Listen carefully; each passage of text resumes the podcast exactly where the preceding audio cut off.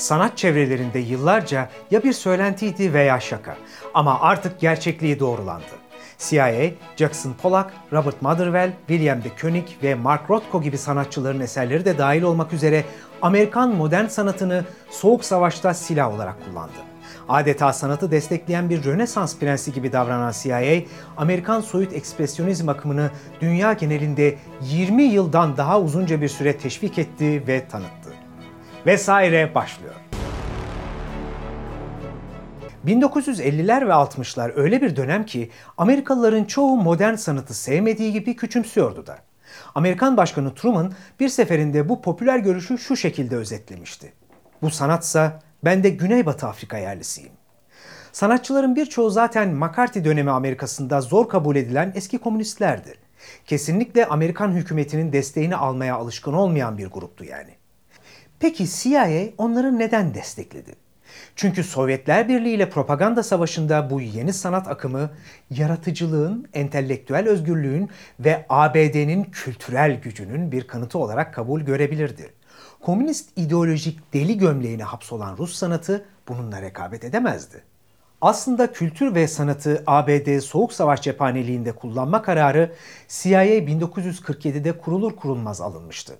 Komünizmin hala batılı entelektüeller ve sanatçılar için taşıdığı cazibeden korkan CIA, 800'den fazla gazeteyi, dergiyi ve kamu bilgilendirme merkezini etkileyen Propaganda Varlıkları Envanteri adlı yeni bir bölüm oluşturdu. Sonraki büyük adım 50'lerde Tom Braden yönetiminde Uluslararası Organizasyonlar Birimi kurulduğunda atıldı. George Orwell'ın Hayvan Çiftliği eserinin anime versiyonunu sübvanse eden bu ofisti. ABD'li caz sanatçılarına, opera resitallerine, Boston Senfoni Orkestrası'nın uluslararası turne programlarına sponsorluk yapan da aynı ofisti.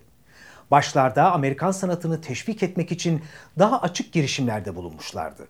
1947'de Dışişleri Bakanlığı ABD'nin kültürel bir çöl olduğuna ilişkin Sovyet iddialarını çürütmek için Amerikan sanatını geliştirmek adlı uluslararası gezici sergiyi organize edip tüm maliyetini karşılamıştı.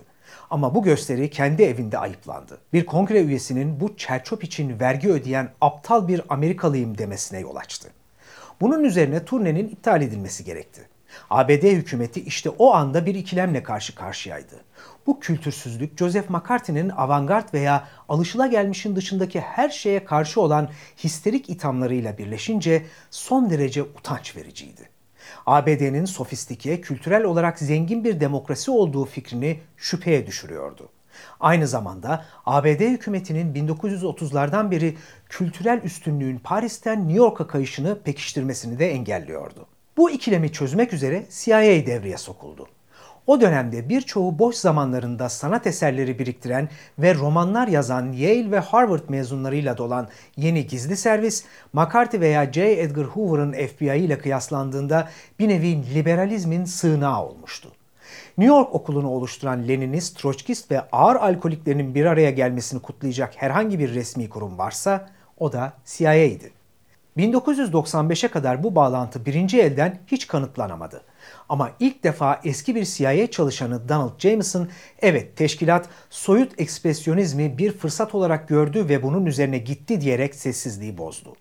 Soyut ekspresyonizm konusunda CIA'nin bunu sırf New York'ta ve Soho'nun merkezinde neler olacağını görmek için yarattığını söylemeyi isterdim diye espri yapan Jameson, aslında bütün yaptığımız farklılığı fark etmekti soyut ekspresyonizmin sosyalist gerçekçiliği olduğundan da şekilci, esnemeyen ve sınıflandırılmış gösterebileceğini teşhis ettik.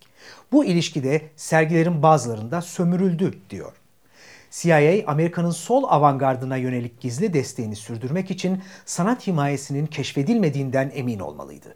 Bu tip meseleler sadece 2-3 kademe uzaktan izlenebilirdi diye anlatıyordu Jameson. Böylece mesela Jackson Pollock gibi bir ismi herhangi bir şekilde temize çıkarmak ya da bu insanları organizasyon içine dahil edecek herhangi bir hareket söz konusu bile olmazdı. Zaten daha fazlası mümkün değildi çünkü çoğu zaten hükümete ve özellikle CIA'ye hiç saygı duymayan kişilerdi. Hatta kendini Washington'dan çok Moskova'ya yakın gören insanları kullanman gerekiyorsa bu belki de daha iyiydi. CIA kampanyasının ana eseri CIA tarafından fonlanarak 1950'de kurulan ve CIA ajanı tarafından yönetilen Kültürel Özgürlük Kongresi oldu. Yani entelektüellerin, yazarların, tarihçilerin, şairlerin ve ressamların bir araya geldiği bir topluluk. Moskova'nın ve onların batıdaki yoldaşlarının saldırılarına karşı kültürün savunulabileceği güvenli bir mevzi olmuştu. Kültürel Özgürlük Kongresi, CIA'nin soyut ekspresyonizme olan üstü kapalı ilgisini icra etmesi için ideal bir cephe sundu. Bu ofis, gezici sergilerin resmi sponsoru olabilecek, dergileri de Amerikan resim sanatına yakın kritikler için yararlı platformlar sunacak ve bütün bunlar sanatçılar dahil olmak üzere hiç kimsenin aklından bile geçmeyecekti. Bu kurum 1950'lerde soyut ekspresyonizmle ilgili çeşitli sergiler organize etti. Bunlardan en önemlisi 1958-59'daki ve tüm büyük Avrupa şehirlerini dolaşan Yeni Amerikan Resmi sergisiydi. 1955 tarihli ABD'de modern sanat ve 1952 tarihli 20. yüzyılın başyapıtları diğer etkili koleksiyonlar arasındaydı. Soyut ekspresyonizmin sergilenmesi pahalı olduğundan milyonerler ve müzeler de bu oyuna dahil edildi. Onlar arasında başlıca isim annesi New York'taki Modern Sanat Müzesi'nin ortak kurucularından olan Nelson Rockefeller'dı. Annemin Müzesi diye hitap ettiği müzenin başkanı olarak soyut ekspresyonizmin en önemli destekçilerinden oldu. Müzesi, CIA'nin kurduğu Kültürel Özgürlük Kongresi ile kongrenin en önemli sergilerini organize etmek ve küratörlüğünü yapmak üzere bir kontrat imzalamıştı. Müzenin CIA ile başka bağlantıları da vardı. CIA'nin Uluslararası Organizasyonlar Biriminin ilk şefi Tom Braden, müzenin 1949 yılındaki icra sekreteriydi. Braden bu birimin amacını şöyle anlatıyor. Sovyetler Birliği'nde olduğu gibi ne yazman, ne söylemen, ne yapman, neyi resmetmen gerektiği konusunda hiçbir bariyer olmadan Batı'nın ve ABD'nin ifade özgürlüğüne ve entelektüel kazanımlara kendini ne kadar adamış olduğunu göstermek için tüm yazarları, müzisyenleri ve ressamları bir araya getirmek istiyordu.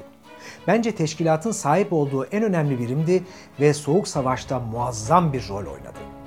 Braden, birimin avantgarda yönelik muhalefet sebebiyle gizlice hareket ettiğini doğruladı.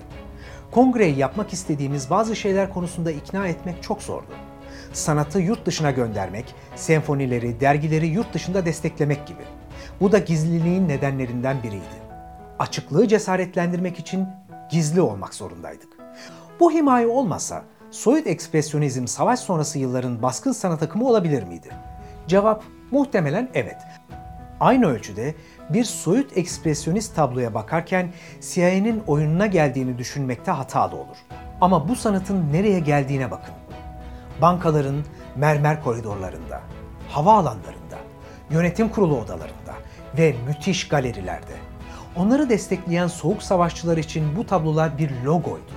Dikkate değer her yerde sergilemek istedikleri kendi kültürleri ve sistemleri için bir imza niteliğindeydi. Ve başarılı oldular. Haftaya görüşmek üzere.